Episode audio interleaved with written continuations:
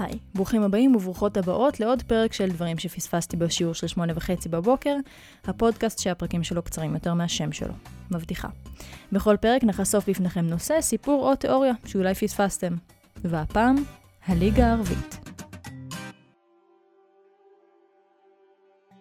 בסוף המאה ה-19 חיו אזרחים במדינות ערב השונות תחת מבנים פוליטיים שונים ומגוונים. קריסת האימפריה העות'מאנית על רקע סוף מלחמת העולם הראשונה, הכינו את הקרקע עבור הכוחות האירופאים שעיצבו מחדש את העולם הערבי.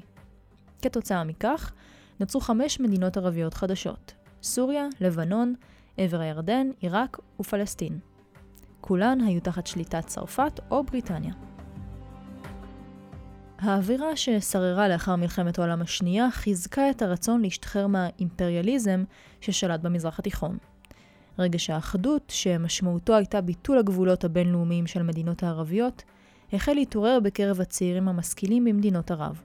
כאשר המדינות הפכו עצמאיות באמצע שנות ה-40, קבוצות האליטה במדינות הללו דחפו לחלוקה מחדש של השטחים, בהתבסס על האינטרסים שלהן, תוך שהן מושפעות מהתנועה שקראה לאיחוד ערבי. עם זאת, מנהיגים ערבים פחדו ליפול שוב למצב בו הם נשלטים על ידי גורם אימפריאלי זר, ובו בזמן פחדו להישלט על ידי מדינה שכנה. בין השנים 1943 ו-1945 התקיימו בביירות, בדמשק ובקהיר ועידות שונות של רופאים, עורכי דין ומהנדסים שקיבלו החלטות ברוח האחדות. אך באותה העת, השלטון במדינות היה בידי האליטות הוותיקות שדגלו בשמירה על הגבולות והעדיפו לאומיות על פני אחדות.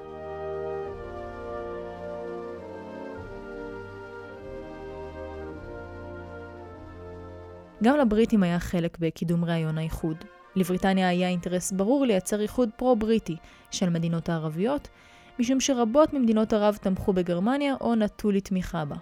בנוסף, בריטניה הייתה תחת החשש שהקרבות שהתנהלו בצפון אפריקה התפשטו אל תוך המזרח התיכון והגיעו אל המדינות שנמצאות בשליטת האימפריה הבריטית.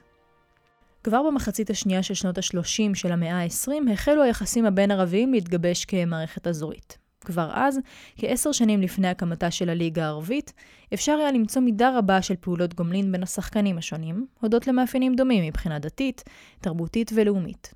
ארצות ערב, פרט למצרים, לא היו מגובשות בתוך עצמן, וגבולותיהן נקבעו עשרות שנים קודם לכן על ידי המעצמות, דבר שיצר בעיות טריטוריאליות. ב-7 באוקטובר 1944 ייסדו שרי החוץ של מצרים, סוריה, לבנון, עיראק ועבר הירדן את הוועדה המקדימה של הוועידה הערבית הכללית, והסכימו על הקמת ארגונים ערביים משותפים, אשר יהוו בסיס להקמת הליגה הערבית. הסכם זה ידוע כפרוטוקול אלכסנדריה, והוא הפך למסמך מכונן בקרב ערבים רבים, בייחוד משום שכך זכתה לראשונה לבנון להכרה כמדינה עצמאית, ומשום שבכך הפכה סוגיית פלסטין לנושא פן-ערבי. מטרתו של הפרוטוקול הייתה לקדם שיתוף פעולה בין המדינות ולחזק את הקשרים ביניהן, תוך תיאום פוליטי ובתחום מדיניות החוץ, מבלי להתערב בעצמאותן. פרוטוקול אלכסנדריה הוחלף בשנה שלאחר מכן באמנת הליגה הערבית, על מנת להדגיש את ריבונותן של המדינות החתומות. החברות בליגה הוגבלה, על פי האמנה, למדינות ערביות עצמאיות בלבד. לכל מדינה שכזו יש את הזכות להפוך לחברה בליגה, ועליה לפיכך לציית לסעיפים באמנתה. מדינות לא עצמאיות יכולות לקבל מעמד של משקיפות. לאחר הקמת הליגה נחלקו המדינות החברות בה לשני גושים עיקריים. הגוש הראשון הונהג על ידי מצרים אשר נתמכה בידי סעודיה, סוריה ולבנון.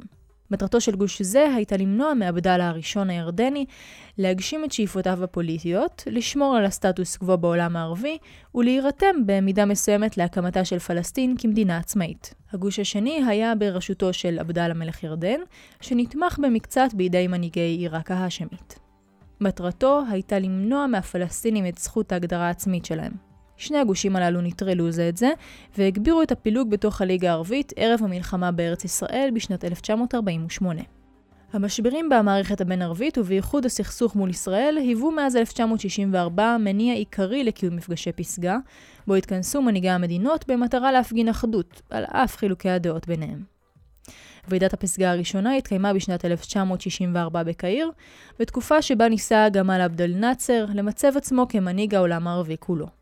ועידות הפסגה הראשונות שימשו עבור נאצר קרקע לחיזוק מעמדו המידרדר בעולם הערבי, באמצעות מיתון גישתו המהפכנית שנכשלה. הסיסמה שהובילה אותו הייתה אחדות פעולה. במסגרתה קרא לשיתוף פעולה באמצעות ועידות הפסגה הערביות בנושא שנחשב לקונסנזוס. המאבק נגד ישראל.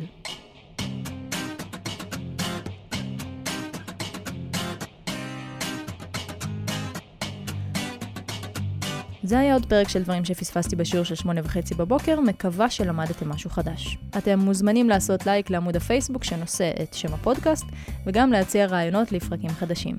אני מיכל פורת, להתראות בפרק הבא.